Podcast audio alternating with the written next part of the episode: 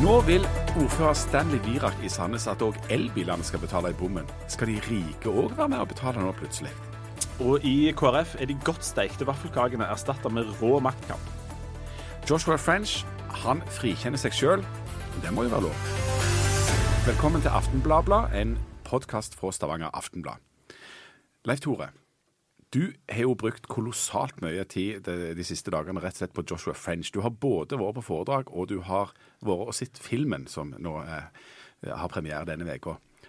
Tror du at eh, Joshua French er helt uskyldige? ja, det er jo, eh, det, er jo det, det, vi går og lurer på. Altså Uansett hva du, hva du, leser eller hører eller ser av den sangen, der, så lurer du jo på hva han og Moland faktisk har gjort. Uh, og jeg har sett filmen, jeg har hørt foredraget og jeg har hørt podkastene. Jeg har ikke fått lest alle bøkene. Uh, og jeg lurer fremdeles på hva han har gjort. Og dette foredraget som han hadde her, det Jeg trodde kanskje at du skulle bli litt klokere av det, men det ble jeg definitivt ikke. Hvordan skulle det nå ikke bli klokere av at han forteller ifølge seg selv i tre timer da, altså, om hva som faktisk skjedde? Da skulle du trodd at, eh, at alt var klart og tydelig etterpå. Ja, ja det, du skulle jo tro det, men um, den første følelsen som jeg kjente på når jeg gikk ut derifra, var at han hadde bare stått og uh, fortalt en sånn kronologisk fortelling om hva det var som skjedde, ifølge han. Uh, og der alle hadde gjort feil av en eller annen type, unntatt han og Moland. De var de eneste som ikke hadde gjort noen feil. Og Det gjør at det blir litt vanskelig å tro på den fortellingen. Altså at de to eh, leiesoldatene reiser til Afrika, og så skjer alt det som vi vet har skjedd. Og i den suppa der, så er de to de eneste som ikke har gjort noe galt. Det eh, høres for meg Ja, jeg syns ikke det henger helt på greip. Nei. Og så er det jo sånn at eh, Denne veka har da altså filmen eh, premiere, og ifølge Aksel Hennie på Lindmo så skulle altså sannheten om hva som faktisk skjedde, den skal finnes i denne filmen. ja. eh, du har sett filmen. Fant du sannheten nei, nå? Altså, nei, ikke i hele tatt. Er, den filmen skisserer hva som kan ha skjedd, på en litt sånn knodete og løgn måte. Uh, men vi er ikke i nærheten av å komme i nærheten av hva som faktisk har skjedd der. Det, det blir, det er fremdeles en fortelling som kan Det kan ha vært sånn, det kan ha vært sånn, det kan ha vært sånn. Eh, og vi aner ikke. Det kommer an på hvem Som så ofte før i andre sammenhenger, så kommer det an på hvem det er som forteller historien. Um, og når French fortalte historien, så får du, er det nok mange som kan få en følelse av at ja, det må nok ha vært sånn, for han, han virker som en OK type der han står på scenen. I filmen så får du òg en følelse av at han, han, kommer ganske godt ut av det. Der kommer gjerne ikke Moland så godt ut av det. Men uh, det er ingen av disse tingene som tror jeg er egnet til å få fram på en måte sannheten. Når vi satt og hørte på det foredraget, så Og det er nok litt sånn journalisten i meg som eh, sitter med liksom, hånda og har veldig lyst til å stille spørsmål. Men du, men du, men du, men du, du Hvorfor er det sånn? Hvorfor, hvorfor, sier du sånn?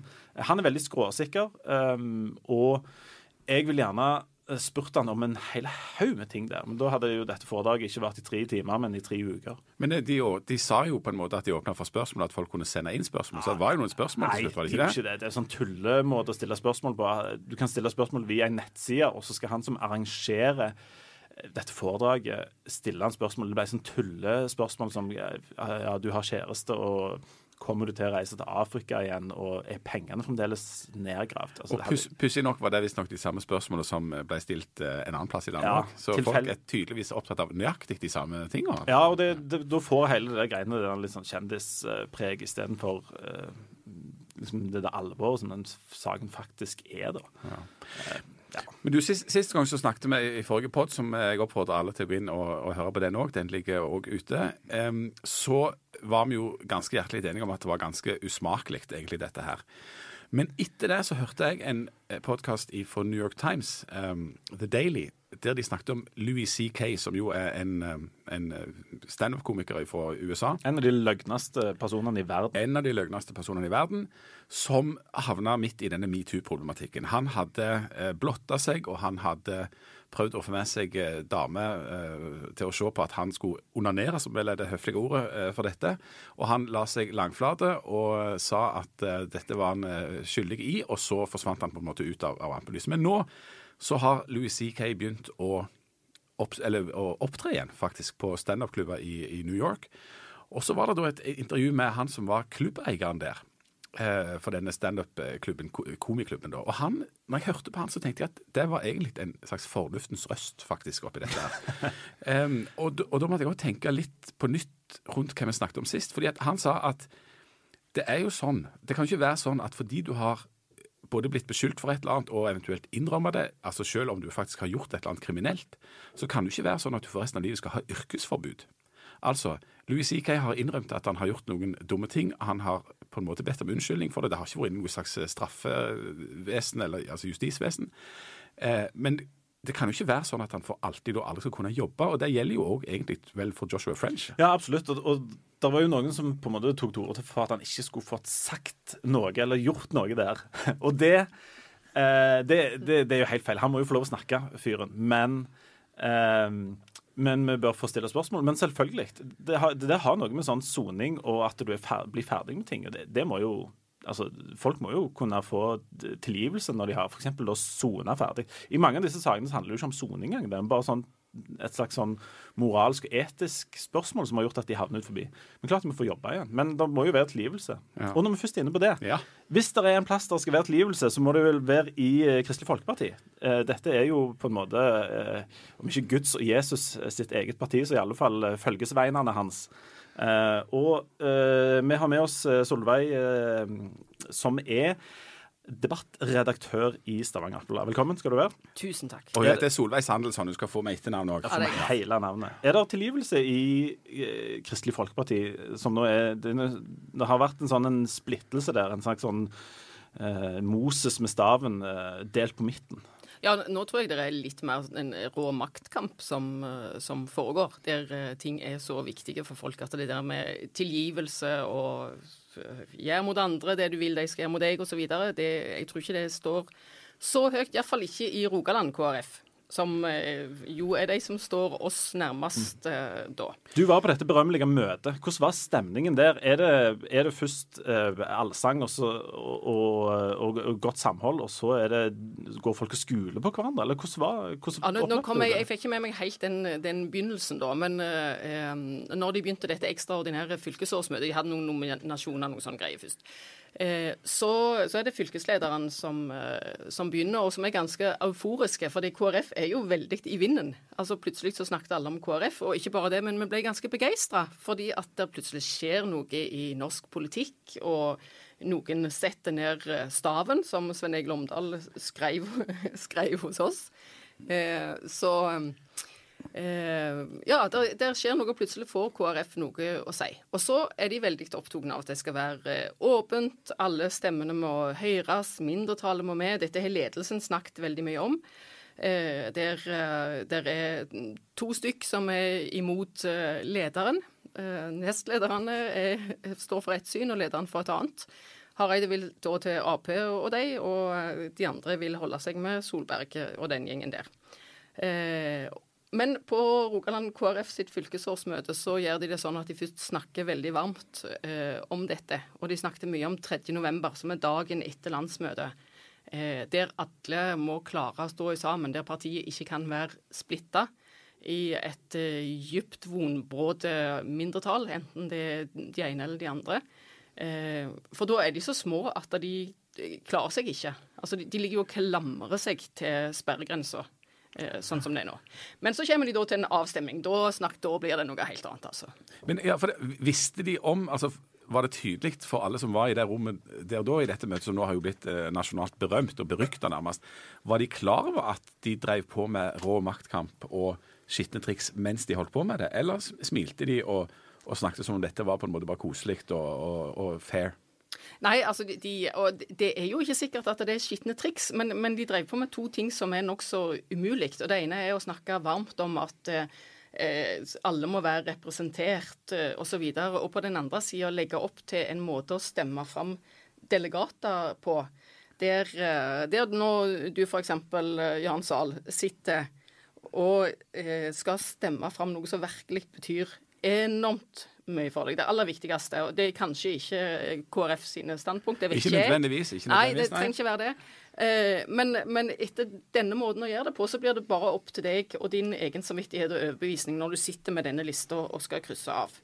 Og så blir det da oppfordra til at du er så grei at du eh, krysser av noen kandidater, sånn at jeg som mener det motsatte, òg skal bli representert.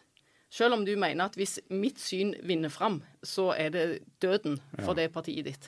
Og det er jo, Da blir det å tro på julenissen, og det trodde jeg ikke de drev på med i KrF. De tror jo på mye, men julenissen er vel ikke den de tror aller mest på. Nei. Men du, Min erfaring i sånne litt sånn kristne sammenhenger, som jeg har gått og trødd ganske mye i Du er jo søndagsskolelærer. Absolutt. Ex, er du ikke eks-søndagsskolelærer? Ja, Det går ikke an. Det går, det går Det er ikke an. sånn- det er en Det- En sånn tittel. Ja. Du er søndagsskolelærer. for life. Du kommer deg aldri ut av det. Men min erfaring fra sånne miljøer er at ehm, kristne nå, er det jo ikke sånn at nødvendigvis alle i KrF har liksom denne voldsomt sterke gudstro engang, men mange har det. Mange er, går i kristne miljøer og sånn.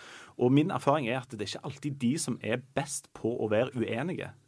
Eh, altså de, Det er en, litt sånn eh, ekstra klamt når de skal være uenige. For det, på ene sida så er det litt sånn alle, alle vil vi ha med. Enten til himmelens lyse land eller til den ene eller den andre sida. Um, og, men når, du, når de først begynner å bli uenige, da, så blir det litt ekstra vondt for dem. Um, var det sånn at disse, disse delegatene går og skuler på hverandre og, og, og syns litt dårlig om hverandre? Nei, Du merkte på altså de som da tilhører mindretallet. For så stemte de altså Først så falt et benkeforslag eh, på om de skulle forandre stemmereglene, sånn at de faktisk stemte forholdsvis. Eh, for de gjorde jo en avstemning på hvilken regjering vil de eh, inn i. Og det viste seg at to tredjedeler vil med Solberg og de, og en tredjedel med Jonas. Eh, og da kunne en jo av 15 delegater ta og stemme blant 10, eller stemme 10 på den sida og 5 på den. Det forslaget falt. Og da, kan du merke at de som hører til dette mindretallet, blir mer og mer nedtrykte og opprørte på samme tid. Eh, og så er du ikke lenger helt sikker på, de som hører til flertallet, snakker de om eh, demokrati, eller snakker de bare om å få sitt eget syn fram? Og da vet jeg heller lenger når det er mine egne fordommer mot litt sånne eh, kristne som skal ha sin sannhet trødd nedover hva mindretall eller flertall eh, som helst når det virkelig gjelder. Eh, men der må jeg ta inn at det kan være at det er litt fordomsfullt. Ja, og jeg har jo virkelig ikke vandra i de kristne rekker i det hele tatt. Og si nesten tvert imot. Eh, Så jeg har jo en, min porsjon av fordommer der, da. For jeg tenker jo at, at de kristne de har jo på en måte eh, tatt et slags monopol på å være snille og greie og, og, og kjærlighetens budskap, og alle skal liksom være snille med hverandre. Men her er de jo ganske rå med hverandre, da. Og det blir sånn der, eh, krasj i hodet for meg, altså. Eh, Det, det blir jo det for, for mange eh, av oss som står litt utenfra. Eh, Og det blir kanskje Det er ikke sikkert at vi alltid er så vennligsinna når KrF viser maktansiktet sitt, for vi, vi vil vel gjerne pirke litt i de da og komme med nåde og nestekjærlighet eh, Ja, og, den er, og den evinnelige at dette er ikke noe søndagsskole. Det er jo et politisk parti, dette, som andre politiske partier. Og, Det er jo og- det. og politikk handler jo om makt, uansett om du har kristelig i navnet. Ja, ja en Ja. skulle, skulle iallfall tro det. Og det er jo folk, altså I eh, Rogaland KrF så er det folk som går på talerstolen og sier at SV Jeg får vondt. Det er, det er den røde kluten. altså Ikke at SV skal inn i denne regjeringa, men de vil komme til å være et slags, eh, et slags støtteparti. Eh, og Der er det jo store forskjeller i KrF over hele landet. altså KrF er jo et sentrumsparti, da, så de er jo vant med å leve med spenninger. Men eh, her er det jo den utfordringen at på Sør-Vestlandet har de kjernevelgere, og de har flest velgere. Eh, resten av landet vil kanskje ikke helt være med på den retningen som en i Rogaland da holder pinnfast på. Selv om faktisk en tredjedel her vil eh, en annen vei. Og vi er på vei inn i ei skjebnehelg nå for KrF. Nå, akkurat nå står det sånn 50-50. Denne helga skal det være møte i eh, Hordaland og i eh, Agder. Um, helt til slutt, ah, du- tør du å tippe hvordan det går dette, Solveig? Eh, Nei, men jeg lurer veldig på om eh, KrF er over sperregrensa ved neste stortingsvalg. Det tviler jeg sterkt på. Jeg, jeg hørte noen som sa, som hadde vært på dette møtet, eller ja, på, på dette i Rogaland, som sa at eh, nå var det vekk Nå var det vekk med Det nye testamentet og fram med Det gamle testamentet. Og det, I sånne sammenhenger så betyr det at eh, det kan bli ganske friske tak. Og ehm, og at det er mye som, mye som står på, på, på, spill, og at det er av med silkehanskene på absolutt alle måter. Men vi får se hvordan det går. For å se hvordan det går, kan du eh, si at nå står jo Rogaland KrF mer og mer med buksa nede etter hvert som de andre fylkeslagene faktisk går inn og tar hensyn til sine mindretall, enten de er røde eller blå. Så jeg syns jo det ser verre og verre ut for Rogaland etter hvert. Og så er det vel så jevnt at det nesten kan bli avgjørende, det Rogaland gjorde? Det kan det. Det er makt i de foldede hender. Absolutt. Vi skulle gjerne uh, sunget den sangen, uh, men uh, vår neste gjest han er jo en festival av dårlig helse. Sist gang han var her, hadde han eh, lungebetennelse og indisk syke og andre ting som jeg vel knapt hadde hørt om. Nå har du fått et veldig dårlig kne, har du ikke det, Harald Birkevold, kommentator i Aftenbladet? Jo, altså min kropp er ikke lenger et tempel. Den er mer en, eh, en slags fornøyelsespark med omvendt fortegn. Ja. Og Det er mange lesere som mener at dette òg har gått utover hjernen din, men enn så lenge så får vi, får vi, ha, deg med, ha deg med her. Jeg får du, prøve å simulere åndsfrisk enn så lenge. Ja. Du gjør jo et, det gjør du et middels godt forsøk på. Men nå skal du få et nytt uh, forsøk på ditt favorittemne, nemlig bom. Oh. Du elsker, i, i, likhet med alle andre rogalendinger, så elsker du bomringen eh, og alt det den medfører. Mm. Uh, og Dette er et tema vi aldri kommer til å bli ferdige med. Og den eneste som vel baler mer med dette enn deg, er Stanley Virak, um, som nå vil fordele utgiftene på denne bommen på en litt annen måte. Mm. Betyr dette at eh, vi rike som har elbil, òg må begynne å betale denne bommen? Da, da er jo 101 ute. Ja, så denne her saken blir jo Altså, den, den slutter jo aldri å levere, kan du si. Eh, det var vel ingen som hadde sett for seg hvordan eh, engasjementet rundt den nye bomringen og rushtidsavgiftene skulle eksplodere.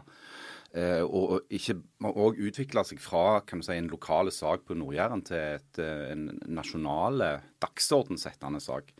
Eh, og det er klart at Sandnes kommune med Stanley Virak og Pål Morten Borgli i spissen har jo vært eh, frontsoldatene i den krigen mot, eh, mot bomringen. Med litt forskjellig utgangspunkt, riktignok. eh, mens eh, varaordføreren i Sandnes, Pål Morten Borgli, han er jo fra Fremskrittspartiet og har for så vidt stått med rak rygg hele tiden og vært motstander av eh, bompenger på prinsipielt grunnlag. Så har jo Stanley Virak, ordføreren i Sandnes, han har gått gjennom en form for forvandling eller en prosess. Eh, noe som jeg altså Jeg ser at en del folk har lyst til å gjøre seg morsomme på Virak sin bekostning pga. at han har, eh, som de da hevder, vakla eller eh, forlatt tidligere standpunkt. Jeg syns at det er en tendens òg hos oss i pressen til å være med på den type sånn utdriting av folk som skifter mening. Og jeg mener helt alvorlig at det er en god ting. Altså Det er et tegn på at du fortsatt har en hjerne som fungerer. At du er i stand til å skifte mening når du blir konfrontert med nye opplysninger. Du, det, det, siste som nå er på bordet, det handler om um, hvordan dette skal nedbetales, og hvem det er som skal gjøre det. Um, mm. Virak er av de som ivrer for å skrote rushtidsavgiften. Ja. Og han vil òg ha elbilene til å betale. Altså at elbil, de som eier elbiler, skal betale istedenfor at en skal betale mye mer under rushet. Ja, ja. Og dette er jo en sånn klassisk eksempel på hvordan forskjellige eh, målsettinger kan krasje. Eh, fordi at eh, Når du snakker om, om bomringen og rushtidsavgiften, så er det jo flere formål med den. Sant? Det ene formålet, som var veldig langt framme i bevisstheten når dette ble vedtatt tilbake i, i 2014, det var altså å gjøre noe med køene gjøre det lettere å komme seg fram i trafikken. For på den tida, for fire år siden, så var det voldsomt store køproblemer. Bl.a. på motorveien. Bl.a. i Kannik, eh, Kjensvollkrysset, andre steder. Sånne flaskehalser. Eh, men så har du jo er det jo andre hensyn òg. Altså, det er andre motiver for å eh, etablere en bomring. Det er bl.a. å eh, samle inn penger til å betale for en masse infrastruktur. Nye veier, nye sykkelstier, nye kollektivløsninger. Så, sånn at eh, og, og det, Du skal jo ikke tenke veldig lenge på det før du skjønner at de der to målsetningene kan komme til å frontkollidere. For at hvis du får ned trafikken, så synker jo òg inntektene i bomringen. Da har du mindre penger til det du skulle bygge. Sant? Eh, for det er litt som Når du inviterer til selskap, så vil du gjerne invitere færrest mulig for å slippe å lage mye mat, men jo færre du inviterer, jo mindre presanger får du. Det er akkurat det samme, faktisk. Det er helt likt. Men, sånn at, ja, ja. Det, det, men det ser ut til å fungere. Det ser ut som uh, de politiske virkemidlene fungerer. I den forstand at trafikken går ned, flere tar kollektivtrafikk. Yep. Og så er det store mengder av de bilene som nå blir solgt i Rogaland, er elbiler. Yep. Kan vi, kan vi fastslå at bomringen virker sånn som man var tenkt? At den fungerer? Ja, hvis, du, eh, hvis målet var å få flere folk til å la bilen stå, og komme seg til jobb med buss eller sykle eller gå, så virker bomringen, ja. Men du var jo inne på det, Leif Tore, dette med elbiler. Eh, det har jo vært sånn at Norge er det landet i verden, tror jeg, hvor det selges flest elbilbiler sett i forhold til folketallet. Eh, grunnen til at det skjer, er at det å eie elbil i Norge er veldig gunstig. Du får en haug med rabatter. Eh, du slipper å betale avgifter og moms og all slags greier når du kjøper den. I tillegg så har du hatt fordeler som at du kjører i kollektivfeltet, du kjører gratis i bomringen, du har fått redusert eller ingen betaling på ferjer osv. osv. Nå er det jo en diskusjon om du skal fjerne en del av de fordelene. Fordi, og det er jo et logisk argument, en elbil lager, altså tar akkurat like mye stor plass på veien som en bensinbil eller en dieselbil. Eh, og er med å lage de problemene. Og Der har du igjen en sånn situasjon hvor det ene målet på en måte frontkolliderer med det andre. ikke sant? Eh, det, dette har du jo sett lenge f.eks. på Finnøy, hvor eh, betalingsperioden i Finnfast har måttet forlenges fl flere ganger. Fordi at halve Finnøy har jo kjøpt seg elbil. De betaler ingenting. Nei, der, På Finnøy er det mer elbiler enn det er tomater, og det er en situasjon vi aldri Det er, mer elbiler enn sauer nå på Finnøy. Og det er snakk om at kanskje en elbil blir den neste ordføreren i Finnøy, har jeg hørt. Leif Tore, du, har jo elbil, og det har jo jeg òg. Eh, Syns du at vi bør være med å betale? på noe? Nei, jeg syns jo ikke det. Men, men, eh, jeg er veldig usikker på hva jeg hadde syntes hvis jeg ikke eikte el elbil sjøl. Men jeg jeg ja, kan, jeg, kan jeg spørre deg, Leif Tore. Ja, Når du kjøpte elbil, hvorfor kjøpte du elbil? Var det for å A. Redde miljøet. B. Slippe å stå i kø. C. Slippe å betale for parkering. Hva, hva var hovedmotivasjonen? Ja, hovedmotivasjonen er jo litt sånn som bomringen, at den er litt delt. Men uh, den, alle de fordelene du får av egen elbil, er til sammen så store at jeg at det var, helt, det var, helt, utenkelig for meg å kjøpe en annen bil enn en elbil. Men uh, for, min, uh, for meg personlig så handla det om å få ned på en måte de jevne utgiftene til bil. Altså kombinasjonen av eh, bom, eh, parkering, eh, drivstoff, forsikre, alle disse her tingene. Eh, og jeg er jo en av de som mener at eh, de der elbilfordelene må tynes så lenge det overhodet er mulig, fordi at dette miljøaspektet må høyere opp enn alle disse andre tingene, som f.eks. da bomringene. Altså ja, det, kø. Det er et ærlig standpunkt, det. altså, ja. For all del. At du sier at det er så viktig å redde miljøet. Nå er det jo for så vidt i høyeste grad diskutabelt om elbiler er bra for miljøet, men la oss nå det ligge, da. Mm, ja, ja, Det er ikke det du må se Andreas Wahl sin uh, gjennomgang av det på NRK. På et, på et, visst tidspunkt i kilometer så blir det faktisk uh, udiskutabelt en gevinst. Det er nok fortsatt sånn at det er mer miljøvennlig å beholde en gammel fossilbil å kjøre den så lenge han går, ja, men, enn å kjøpe en jo, ny jo, men elbil. Enn så lenge, så lenge klokka går framover, når jo klokka har en tendens til å gjøre, så, så, tenker jeg at hvis vi får bytte ut alle bilene i verden med elbiler, så, så, så vil vi havne, så vil vi komme bedre ut. Men jeg tror at de elbilfordelene må tynes så lenge som mulig, fordi at du, du da får bytta altså, ny, nye biler over til el. Mm. Og så er jo kanskje det noe av det vi må ofre, da. Men, altså, det der Miljøgreiene må jo koste oss noe på et eller annet tidspunkt. Men, da, men, men, vi er nødt til å snakke om elefanten i rommet. Ja, men kan jeg bare... Vi er nødt til det. Det er en elefant i rommet. Det er en stygg måte å omtale Jan Sahl på, men la gå. Dette med Stanley Virak. Vi må tilbake til Stanley Virak. For det, det som har skjedd, Ja, han er elefanten i rommet. Fordi at det som har skjedd, er at bystyret i Sandnes, som fortsatt skal hete bystyret og ikke kommunestyret, sånn som i Stavanger, de har gitt Stanley Virak fullmakter. Og de fullmaktene er kjempeinteressante.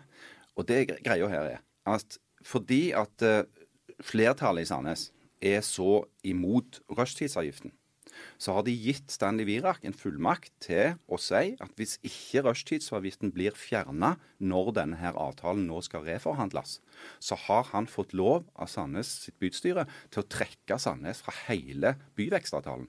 Da kollapser alt i hop, da? Hvis det skjer, så kollapser et samferdselsprosjekt på mange 20 milliarder kroner.